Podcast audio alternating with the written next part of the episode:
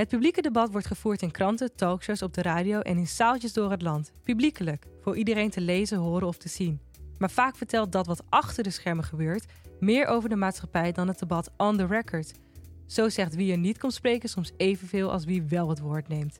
Daarom nemen we je in deze podcast mee achter de balie.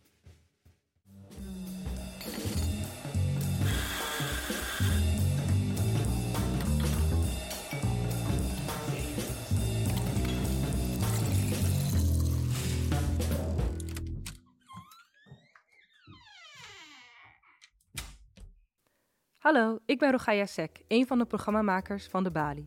En in deze vijfdelige podcastserie ga ik met collega's in gesprek over avonden die hen bijbleven met dit keer het lijsttrekkersdebat. De gemeenteraadsverkiezingen staan weer voor de deur en daarom heb ik programmamaker en journalist Tim Wagemakers uitgenodigd om het te hebben over waarschijnlijk het meest besproken debat van de vorige gemeenteraadsverkiezingen. Samen met het Parool nodigde Tim in 2018 zeven landelijke lijsttrekkers uit om in de Bali in debat te gaan over Amsterdam. De hoofdstad als graadmeter voor de verhoudingen in politiek Den Haag. In debatcentrum De Bali bonden Alexander Pechtold, Thierry Baudet, Sibrand Buma, Tunahan Kuzu, Jesse Klaver, Lodewijk Asscher en Lilian Marijnissen de strijd met elkaar aan. Sander en Joost, jullie hebben dat debat voor ons gevolgd. Sander, jij was erbij. Jij komt net uit de taxirollen uit De Bali. Hoe was de sfeer? Ja, het was, het was wel wat.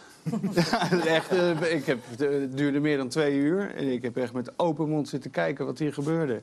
Nou, het was wel wat, ja. Er gebeurde een hoop die avond. En uh, is ook nog lang, ik heb er nog lang over moeten nadenken. Maar uiteindelijk kwam alles neer op één moment dat iedereen het gezien heeft. En dat is het moment dat uh, Jernas Ramartausing op dat moment de nummer twee van het uh, Forum. Forum voor Democratie in Amsterdam het podium opstormde. Ja, en hij was niet uitgenodigd. Nee, ja, hij was wel. Hij mocht in de zaal zitten, had een kaartje gekocht misschien. Ja, maar niet voor het podium. en um, uh, jij stond daar tussenin, want je, los van dat je het programma had georganiseerd, uh, samen met Parool trouwens, uh, Leven Amsterdam, de landelijke fractievoorzitters heet het debat, was je ook een van de gespreksleiders of debatleiders. En ja, laten we meteen even gaan luisteren naar dat moment waar, wat de meeste mensen zich van dit debat kunnen herinneren. Uh, we horen eerst Lodewijk Asscher, toen lijsttrekker van de PvdA. Uh, Thierry Baudet is ook niet te missen. Um, en jij bent degene die heel vaak punt van orde roept. Met weinig succes. Als Amsterdammer wil ik best Thierry Baudet geloven en zegt... ik ben geen racist en ik discrimineer niet. Maar hij moet opgemerkt hebben, dat is een veellezer... dat heel veel mensen het toch niet begrijpen... dat als je nummer twee zegt... Ik vind het ook jammer dat zwarte mensen een laag IQ hebben. Dat heeft hij niet gezegd. Hij is daar. Jennis, kom het podium op. Deze leugens, deze laster, deze eindeloze flauwekul okay, okay, in één keer recht te zetten. Oké, oké. Nooit gezegd. Kijk, nu ik wil interview terug. Oké, oké. Ik heb het hier bij me. Iedereen ook. Ik heb het hier bij me. Wacht, wacht, wacht. Gaat u mee? Punt van orde. Want... Ik heb het hier bij me. Ik heb het hier bij me. Het is echt allemaal flauwekul. Twee. Nu mag ik even een vraag stellen. Punt van orde. En die stelt niet aan jou, maar aan leugens. Punt van orde. Je kunt heel vaak leugens zeggen. Ja. Maar doe dan, wees dan een man. Wees niet zo huilie-huilie met je aangifte en ja. dat gedemoniseerd gejank. Klaagzoek. Iedereen ja. heeft jou horen verdedigen, heeft Theo Hiddema horen verdedigen. Juist. Het is wetenschap.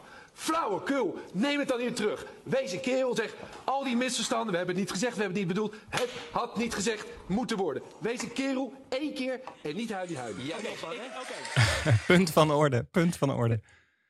ja, wat gebeurde er voor de mensen die het niet hebben gezien? Nou, wij, wij organiseerden dus dat lijsttrekkersdebat. Eigenlijk fractievoorzitters waren het. Um, um, samen met het Parool. En uh, we hadden acht lijsttrekkers of acht fractievoorzitters daar staan. En de week daarvoor was er nogal wat commotie ontstaan. Het was eigenlijk al eerder ontstaan. Jernas Ramatarsing had dus, hè, dat wordt hier ook uitgelegd, gezegd ja. dat uh, zwarte mensen een lage IQ hebben. De week daarvoor ging hij in debat met Femke Halsema. Toen kwam het weer ter sprake. En toen heeft Thierry Baudet, die toen in gesprek ging met Halsema, georganiseerd door de Bali in de stad Schouwburg, uh, Jernas verdedigd. Of in ieder geval die uitspraken niet bekritiseerd. En eigenlijk had nog niemand hem gesproken erover. Want de week daarna was er radiostilte, media zocht Baudet, kon hem niet bereiken. Dus de eerste keer dat ze hem weer zagen was bij ons in de zaal. En blijkbaar had Baudet iets voorbereid dat Jernas in de zaal zou zitten en op een gegeven moment het podium op zou komen. En dat gebeurde en hij sprong het podium op. En ik dacht alleen maar, we moeten nu zorgen dat deze man die niet is uitgenodigd om mee te debatteren, weer van het podium afgaat, zodat we weer ja. door kunnen. Ja, dus we zien um, uh, Thierry Baudet met papiertjes zwaaien. We zien Eh Jernas het podium oprennen. Eh, we zien jou ertussen flapperen met je handen en een beetje Ja. proberen We zien Jesse Klaver het knoopje van zijn jasje losmaken Ja, op dat moment. Ik weet ook niet precies waarom, maar die, iedereen, nam een andere houding aan in ieder geval op het podium. Ja, en we zien Juri eh, Albrecht, onze directeur eh ja. Jernas, eh, van het podium weer afhalen. En dan... ja, het was een enorme chaos. Maar het grootste probleem voor mij was, ik stond achter een tafeltje. Ja. Ik stond ertussen, ik kon geen kant op. Dus ik moest me eerst zo langs Thierry heen wurmen om bij Jernas te komen. Waardoor het toch veel te lang duurde. Eh, en Ruben Koops en Michiel Cousie, met wie we het organiseren, stonden aan de zijkant. Mhm, en die waren ook wist- debatleider. Die waren ook debatleider. Dus we hadden drie debatleiders eigenlijk. Maar een situatie die niet helemaal te managen was. En eh, op een gegeven moment toen, eh, toen werd het wel weer een klein beetje rustig. En toen begeleidde Jury hem van het podium af. De Telegraaf omschreef Jury de dag daarna als de beveiliger van de balie. dus had was maar niet door dat de directeur zelf was die dat deed.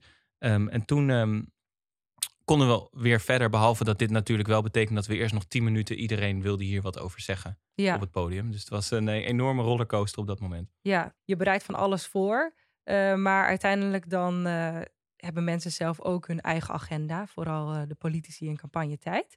Dus laten we daar zo meteen wat meer voorbeelden uit dat gesprek, uit het, die avond vandaan halen. En niet alleen de politie, trouwens ook de media die inderdaad Zeker, in dit geval allemaal ook Thierry Baudet wilde spreken over zijn eh, uitspraken.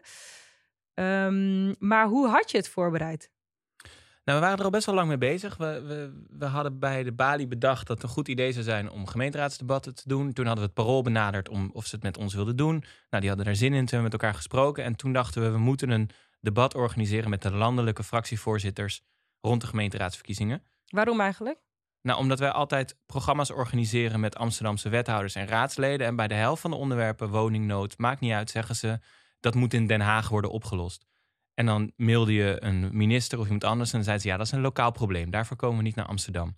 En die gemeenteraadsverkiezing was voor ons een kans om een keer die mensen wel uit te nodigen en zich te laten uitspreken over Amsterdamse onderwerpen. Mhm. Hoewel we natuurlijk ook wel wisten dat ze het breder zouden trekken. Maar ja, als ze toch iets zouden zeggen over bijvoorbeeld de Amsterdamse woningmarkt, zou dat heel nuttig zijn. Ja, Ehm, dus wij hebben hun eh, uitgenodigd en ze wilden ook komen. Waren maar je, je zegt, we hebben hun uitgenodigd. Maar hoeveel mensen stonden er uiteindelijk? Eh, acht of zeven? volgens mij acht, ja. Ja. Dat, is, dat zijn niet alle lijsttrekkers. Heb je daar nog van tevoren nagedacht over de samenstelling? Ja, we hadden nagedacht over de samenstelling dat in ieder geval moesten ze... ehm, we wilden een combinatie van de grootste coalitiepartijen landelijk in Amsterdam. Eh, we wilden ook twee uitdagers die voor het eerst in de Amsterdamse gemeenteraad een kans zouden maken. Dat was eh, bijvoorbeeld eh, Forum voor Democratie. Ehm, en we hadden bijvoorbeeld de PVV niet uitgenodigd, omdat die niet eens meededen in Amsterdam. VVD, die was er, ontbrak een beetje. VVD ontbrak, die hadden we wel uitgenodigd, maar Rutte kon niet en Klaas Dijkhoff wilde carnaval vieren. Oké. Ehm, en toen hebben ze uiteindelijk Dylan Jezelgus wilden ze sturen. Maar dat vonden wij geen goed idee, omdat we hadden allemaal nummers 1. En zij mochten dan al Dijkhoff in plaats van Rutte sturen. En volgens mij stond zij op dat moment op plek 18 of zo. Ja, klopt. Dus Ehm, ehm, 19 zelfs. ja, dat deden we toen niet. Ehm, Ja. Want carnaval was even belangrijker voor Klaas. Ja, en eh, ja, op zich best een prestatie om die mensen allemaal wel bij elkaar te krijgen daar. Dat de Bali de plek is waar, Ja. waar dit grote debat dan wordt gehouden. Eh, heb je daar nog iets... eh, komt dat door jou? Heb jij iets, iets specifieks gedaan waardoor je denkt dat dat... eh, Nou, het, het komt denk ik om een paar dingen. Ten eerste omdat we waren heel vroeg. Want de meeste debatten zijn altijd in de laatste week. En wij zaten op 9 februari en een maand later waren de verkiezingen. Dus dat hielp. Eh, het hielp enorm dat we met het Parool samenwerkt. Want die hebben ook gewoon een goed netwerk. En die hebben ook ehm, natuurlijk bereik. Omdat ze wisten dat het dan in de krant groot zou komen. En als Parool en de Bali dat samen doen, dat zou heel tof zijn. En wat enorm hielp om het te regelen was... dat ja, iedereen kijkt een beetje naar elkaar. En, de, en mensen willen een soort van die partijen die willen alleen komen als andere partijen ook komen. Dus, Ja. dus we moesten een soort schaakspel doen met z'n allen van wie moet je nou het eerst hebben, Mhm. zodat de rest ook komt. En wie moet je het eerst hebben voordat, zodat de rest ook komt? Nou, in dit geval was dat toch eh Thierry Baudet. Want eh, Baudet had als eerste toegezegd. Toen kwam Klaver. En Ascher wilde meedoen als Pechtold meedeed. En Pechtold wilde meedoen als hij tegen Baudet mocht. En zo gaat dat dan een beetje. Maar iedereen zit naar elkaar te kijken tot iemand toezegt. En dat is uiteindelijk het vermoeiende. Want ik geloof dat we in september de eerste uitnodiging stuurden. Mhm. En in december was de eerste die ja zei. Ja, Dus dan ben je drie maanden is iedereen naar elkaar aan het kijken. En volgens mij zijn ze ook onderling dan een beetje aan het appen van wat gaan we eigenlijk doen? Hoe zien we het voor ons? Ja. Maar iedereen probeert een beetje een soort pole position te krijgen van regie op dat debat. Van als ik als eerste toezeg, kan ik misschien het meest eisen of het meest vragen. Ja. We hadden zelf de stellingen bedacht. Ehm, eigenlijk vooral omdat we vonden dat in Amsterdam weten wij wat er speelt. Dus kunnen wij bedenken wat hetgene is waar ze zich over moeten uitspreken. Ehm, en ook omdat we op die manier ja, gewoon de meeste regie konden hebben, dachten we over wat er ging gebeuren. Ehm, en we hadden bedacht dat partijen, want we hadden een combinatie van één op één debatjes en plenaire debatten. En partijen mochten hun eerste en tweede voorkeur aangeven van de partij met wie ze een debat wilden. En dan konden wij een selectie maken. Maar de belangrijkste reden dat we dat deden was dat we dachten, wij zijn toch dan de journalisten en programmamakers. Dan bepalen wij toch Ja. wat interessant is. Ja. Ehm, maar we hadden niet zoals bij RTL, want dat doet RTL. Die hebben dan zo'n eh, prognose een maand van tevoren. En op basis van die prognose kiezen ze de partijen uit. Dus die partijen weten precies, als ik op 3 februari met zoveel zetels bij Ipsos sta, dan mag ik meedoen aan het RTL-debat. Dat hadden wij niet. Eh, maar die stelling had je dus eh, eh, zelf ehm, ja, bedacht. En ehm, waren Nou- er nog mensen die protesteerden tegen de, Nou, tegen de stelling? Vooraf heb je altijd gedoe met stellingen. Want je, want je, je stuurt hun een briefing, dan zeg je dit is het thema. Eh, dus we, we deden eerst sturen het thema wordt woningmarkt. De specifieke stelling komt nog, maar het thema wordt woningmarkt. Vervolgens stuur je de stellingen en zeg je wie tegen wie moet. En dan gaan ze natuurlijk bellen van ja, maar ik wil niet tegen die en ik had, ik had liever tegen die gewild. En deze stelling is voor ons niet interessant, bla bla bla. Maar uiteindelijk konden we best wel goed onze poot stijf houden en zeggen ja, we gaan het toch gewoon zo doen. Alleen het enige is dat die partijleiders die gaan natuurlijk wel zelf nadenken van allemaal leuk die stelling, maar hoe kan ik die draaien naar wat ik wil vertellen? Ja. In plaats van wat de Bali en het Parool hebben bedacht wat wij gaan vertellen. ja, een goed voorbeeld daarvan is Siebrand Buma. Laten we even luisteren naar eh, hoe hij reageert op de stelling die hij... ehm, Ja, en de stelling was eh, de Koentunnel moet een andere naam krijgen of iets in die strekking. ja, dat was eh, volgens hem alleen niet de stelling. Ja, ja. Ehm, we gaan debatteren over de, of u gaat debatteren over de vraag: de Koentunnel moet een andere naam krijgen. We beginnen met de heer Buma. Dank. Ik moet erkennen dat ik dit toch van alle stellingen de, de meest bizarre stelling vind. De, de, naam, de naam van een tunnel veranderen. Terwijl iedereen die normaal denkt afstand neemt van slavernij uit het verleden, van misdrijven uit het verleden, van mensenhandel uit het verleden, van verkrachtingen uit het verleden. Maar weet u wat het punt is? Niet de naam van die Koentunnel is het probleem. Het is de verkrachting, de slavernij, iedere dag opnieuw. En ik ben serieus in deze stad, in de prostitutiesector. Want het is een feit, en ik kijk u aan, en ik kijk u aan, daar zit het grote drama van dit land. Niet 300 jaar Punt. geleden, maar nu. Punt. Ja, dus, ja, en eh, vervolgens reageerde Kuzu helemaal niet op zijn punt. Maar die ging zelf zijn vooraf voorbereide verhaal over de Koentunnel houden. Dus die gingen totaal langs elkaar heen praten. Ja. En elke keer als Kuzu iets zei over die tunnel, dan ging Buma weer over de wallen beginnen. En het ging totaal langs elkaar heen. ja. Wat doe je dan? Nou, in dit geval was er niet zoveel aan te doen. Want als Buma echt weigert om mee te doen aan, dat, aan die stelling, dan, dan, ja, dan zul je er toch een beetje omheen moeten werken. Maar ik vond het ook wel interessant, omdat er wel, juist omdat het, kijk, het is in de Bali, zeg maar, het is sowieso al geen strakke NOS-studio. Er is, er is- het is een zaal met 200 mensen. Die, het is best wel spannend. Ik, ja, als je een zaal hebt in de Bali met 200 mensen, dat is gewoon adrenaline voor iedereen. Dus dat, ja. dat merkte je ook op het podium al, dat iedereen best wel hyped up was. En, en, en dan heb je ook nog, de afstand is heel klein. Dus de mensen die vooraan met hun stoel zaten, lagen met hun voeten op het podium, zeg maar. Zo dicht was het erop.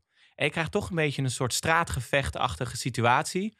Waarbij, omdat we niet 100 filmpjes hadden, 100 instarts en dit, je het echt daar moet doen. En dat merk je aan die politici. Want uiteindelijk ehm, ging het dan misschien niet helemaal over de stelling. Maar er kwam toch in het plenaire debat best wel een goede discussie op gang over niet alleen de Koentunnel, maar ook over eh, rechten in de stad en vrouwenrechten. En ik dacht, het is best wel interessant wat daar gebeurt. Ja. Terwijl we dat niet bedacht hadden. ja, je merkt ook dat, eh, dat er een beetje geroezemoes ontstaat in de zaal. En ook onder de andere lijsttrekkers die daar staan. Omdat eh Buma zich niet aan die stelling houdt. En ook niet meer daarmee stopt, overigens. Om te praten over sekswerkers op de wallen en wat hij Ja. daarvan vindt. Het hele, die, die hele vijf minuten, of ik weet niet hoe lang het... Maar dat komt natuurlijk ook, om daarvoor was Baudet met ehm Ramar Tausing geweest. Ja, Dus, je, dus, dus er was zoiets gebeurd wat niet in de orde was, zeg maar, wat niet de bedoeling was. En je merkt natuurlijk dat die politici, die gingen steeds meer theater maken.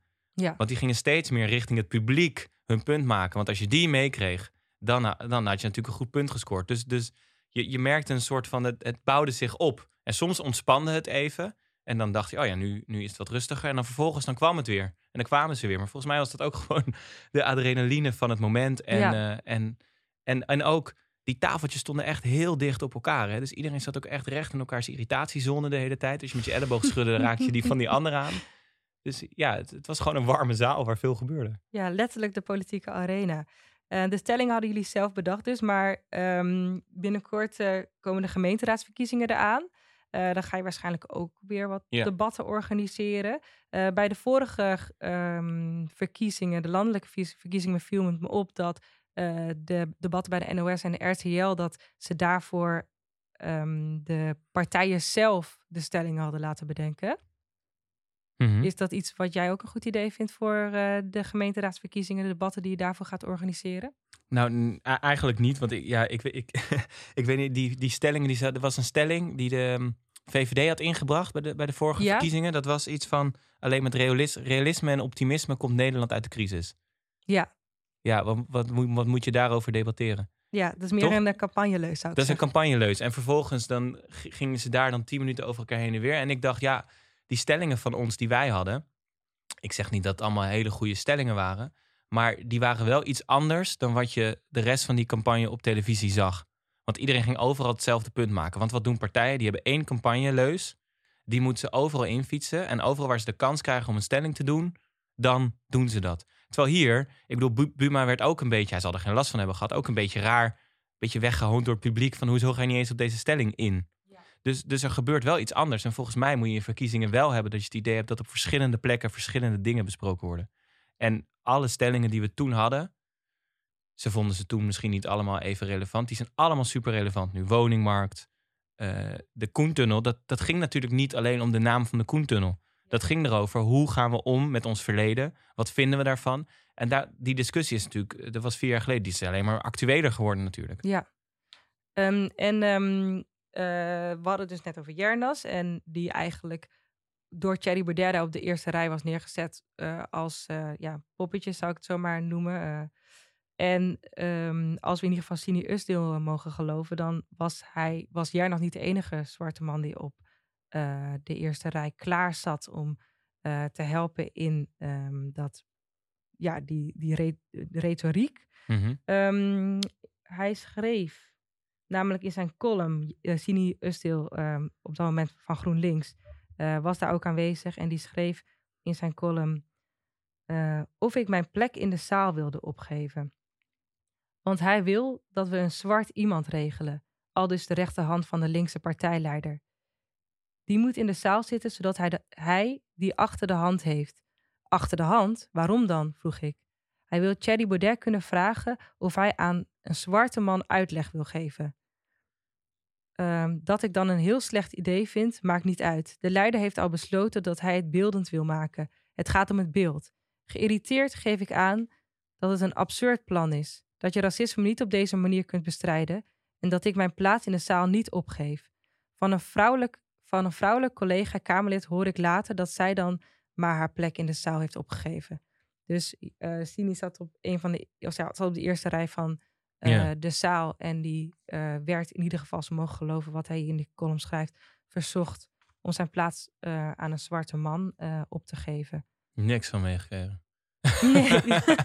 nee, maar ja, ik, ik, ik weet ook niet of dat. Ja, hij, hij zegt dat en, dat en dat zou best kunnen. Maar ik heb daar niks van meegekregen. Omdat, maar dat vind ik dus interessant. Want je merkt dus dat er op de achtergrond allemaal dingen spelen rond zo'n debat die je Ja. niet meekrijgt. En omdat het in een zaal is die live is, waar de afstand klein is, kun je dus op het moment zelf dingen proberen te beïnvloeden. En blijkbaar doen, nou dat zie je, dat, dat zag je met Jernas en dat zie je hier dan ook mee. Zijn ze bezig met een heel ander verhaal soms dan met het debat zelf. Ik bedoel, dat zag je ook bij Jernas, dat op een gegeven moment, je hoorde Ascher in dat fragment daarvoor eigenlijk heel duidelijk zijn punt maken. Dat is ook het punt van Klaver, dat is ook het punt van Pechtold. Ja. Maar die hadden allemaal voorbereid dat ze Baudet gingen aanpakken op dat punt. Ja. Dus in plaats van dat je door kan, kan je niet door totdat Klaver ook dat punt heeft gemaakt. Wat de dag daarna heel mooi geknipt op social media stond. Kan je niet door totdat Pechtold dat punt gemaakt heeft, wat ook mooi geknipt op social media stond. Dus, dus er is een soort hele dynamiek van waar die partijen mee bezig zijn. En eigenlijk is maar een heel klein onderdeel daarvan jouw draaiboek en je stelling en je debat. Wat niet erg is, want we hadden twee uur. En in die twee uur hadden we ook genoeg ruimte om dingen wel te bespreken. En volgens mij hebben we best wel goede discussies gehad. Maar je, ja, je wordt natuurlijk ook gewoon achterlangs voorbij gestoken door hen. Ja, en ehm, dat is, gaat dan om de ehm, politici. Ja. Maar er was ook heel veel media aanwezig. Ja, dat, dat, dat merkte ik eigenlijk het meest eh, toen ehm, om, om half acht begint het RTL Nieuws. Ja, En wij waren om acht uur. En ik ben altijd een beetje zenuwachtig vooraf. Dus ik wil dan graag een beetje op het podium drentelen. uiteraard. En toen stond opeens Frits Wester een stand-upje te doen voor het half acht journaal op mijn podium. Ik had hem niet gevraagd, had niemand iets gevraagd. Hij stond daar gewoon opeens met een cameraploeg. En toen dacht ik, oh ja, oké, ja, dit is wel, eh, dit is andere koek dan normaal, zeg maar. En, eh, en de NOS, we, kijk, bij de Bali hebben we niet echt een enorme backstage. Dus we hebben de, ja, als je- ja, voor mensen die de Bali niet kennen, je hebt de grote zaal. Dan heb je daar rechts van heb je de filmzaal en daar is een gang. En daarachter heb je een soort van berging. En die Ja. berging heeft een deur en die kan je afsluiten. Maar ik weet niet hoe, maar de NOS was er al eh, doorheen voordat wij überhaupt gezien hadden dat die ploeg er was. Ehm, want die wilde het quoteje van Baudet halen. Dus dat was. Nou ja, het is vooral dat je merkt dat op het moment dat er echt iets belangrijks speelt, dan, dan, dan, dan is dat ene quoteje halen of die ene reactie belangrijker dan wat dan ook. Ja. En, dan, en, dan, en dan gaat de media daar dwars doorheen. Maar dat is natuurlijk ja, die campagnedynamiek. En die begon toen wel die negende. eh, in dat zijgangetje ja van zat, de balie. zat dat jou nog in de weg? Eh, het zat me niet enorm in de weg. Nou ja, ik moest Frits Wester wel op een gegeven moment van het podium afhalen. Maar ja, dat deed ik dan naast een stand-upje, zeg maar. Het is ook zo suf als de presentator dat live doet tijdens het RTL Nieuws. Ehm, eh, het zat me niet zo in de weg, maar je merkte wel dat je eh, na afloop bijvoorbeeld, dat normaal gesproken heb je. Nou, het zat me in die zin wel een klein beetje in de weg, of het zit je altijd in de weg, omdat je voelt dat op een gegeven moment de politici ook be- meer bezig zijn met dat shotje of dat citaatje wat ze daarna aan de NOS of andere partijen kunnen geven. En omdat het in de balie is, is, is het zo zichtbaar in iedereens gezicht dat je gewoon, je bespeelt niet één zaal, je bespeelt 16 zalen tegelijk. En op elke moet je anders reageren en moet je andere punten maken. En dat merk je. Maar ik weet niet of het in de weg staat. Het was natuurlijk ook fantastisch eh, dat er zoveel media waren. Uiteraard. Ehm, Hoe was de sfeer na afloop? De sfeer was heel gezellig, want eh, na afloop... eh, ik, eh, Ruben, Michiel en ik, Ruben Koos, Michiel Cousin en ik... die waren een beetje aan het nahijgen. Het was toch wel een beetje een soort achtbaan geweest. Ehm, alleen er was wel meteen een gek moment dat Thierry Baudet... dat staat, dat staat later ook in dat boek van ehm Harm Ede Bordje... maar ook in het boek van Chris Alberts... dat die ging meteen Over weg. Thierry Baudet? Ja, want die dacht dat hij vergiftigd was. Ehm, wat wel gek is, want we hebben hem gewoon kraanwater gegeven. En Heb je dat alleen moeten teruglezen in het boek... eh, wat het afgelopen jaar verscheen over Thierry Baudet? Of wist je dat al? Nou, ik weet wel dat hij tijdens het debat, we hadden van die tussenfilmpjes. En tijdens het debat, eh, volgens mij kan je dat ook zien ergens. Dan pakt hij zijn waterglas naar mij toe en dan kijkt hij ernaar en dan wijst hij erin. En dan zegt hij zei iets tegen mij van er zit iets in mijn water. Oké. Maar Heel poëtisch, Thierry, dacht jij. nou, ik dacht vooral, man, ik ben me aan het focussen. Ik moet zo meteen weer. Eh, het is al heftig genoeg, dit debat.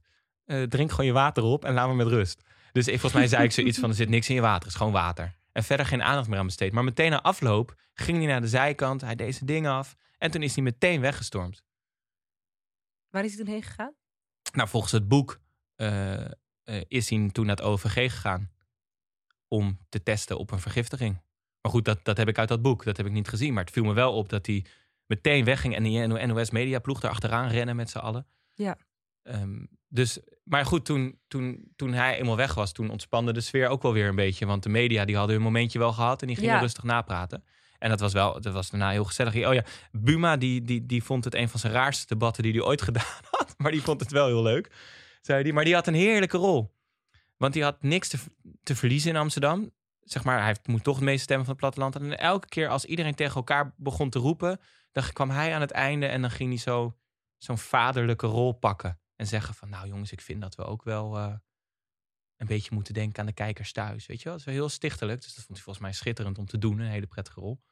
Ehm, dus dat was na afloop. Maar je merkte wel dat de zaal, die liep wel de- naar buiten van, hier is wel wat gebeurd. Ja. Dus een, een, een, volle, een volle balie was het. Los van Het alle was politici. nogal volle balie, ja. En Alexander Pechtold?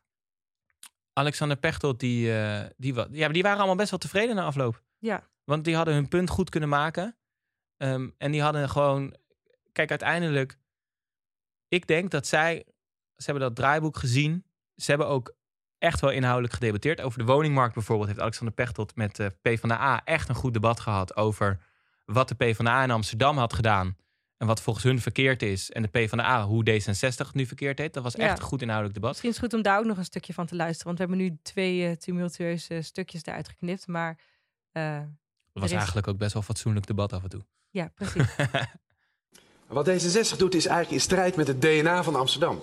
Zij zetten op middenklasse tegen de laagbetaalde. Want de boodschap is, en uw lijsttrekker hier heeft het gezegd...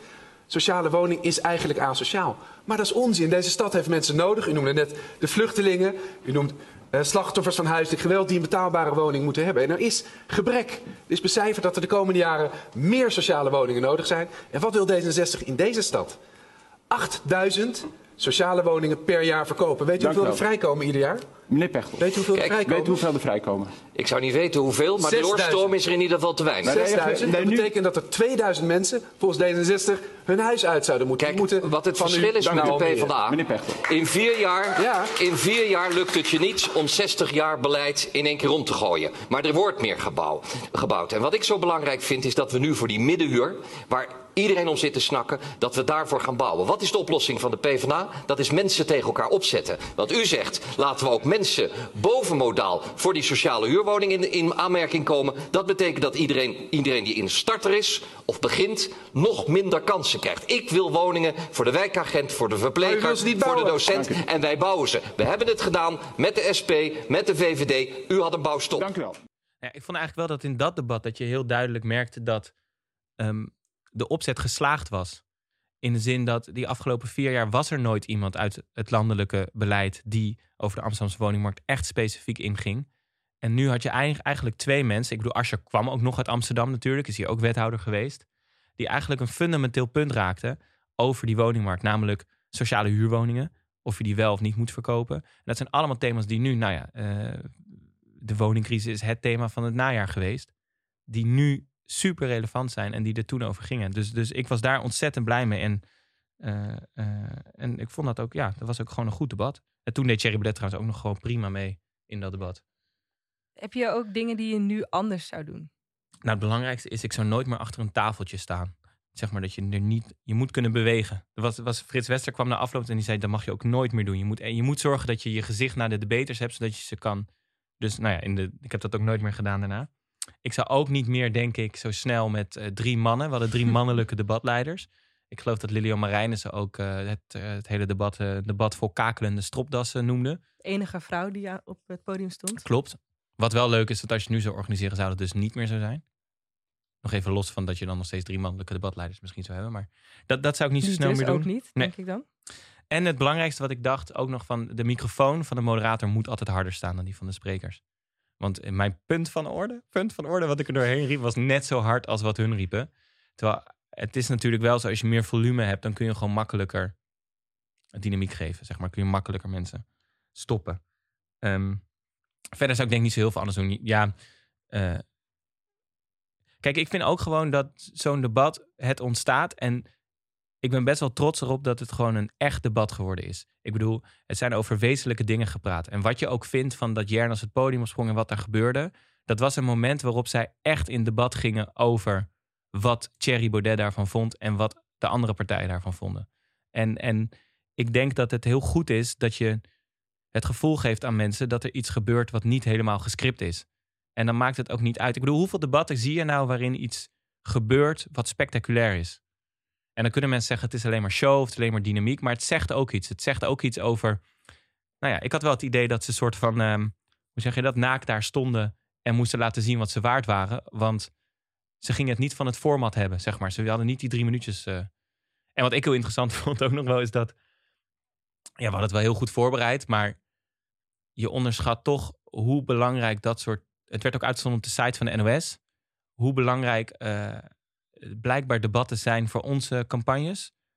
In dat boek van Albert stond ook dat, eh dat Pechtel drie dagen was gaan oefenen. Toen dacht ik, nou, dan, dan heb jij toch meer geoefend die drie dagen ervoor dan ik. Wat ik wel interessant vond. Ja. Dus, dus dat. Maar ja, verder, ik, ik, ik, ik vond vooral... Het heeft gewoon iets dat je in een zaal zit waar ze het moeten doen met de mensen die er zitten. Die 200 man die meteen reageren op alles.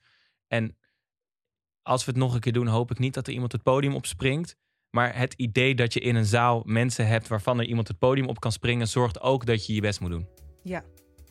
Nou, ik kijk uit naar het, eh, de debatten die gaan komen aankomende, vanaf volgende maand misschien al. Vanaf volgend jaar, dat denk ik, ja. Dankjewel, Tim. Graag gedaan. Het lijsttrekkersdebat uit 2018, genaamd Leven Amsterdam, de landelijke fractievoorzitters, staat integraal op YouTube. Benieuwd welke debatten er in de aanloop naar de aankomende verkiezingen gevoerd gaan worden? Hou dan de site van de Bali in de gaten.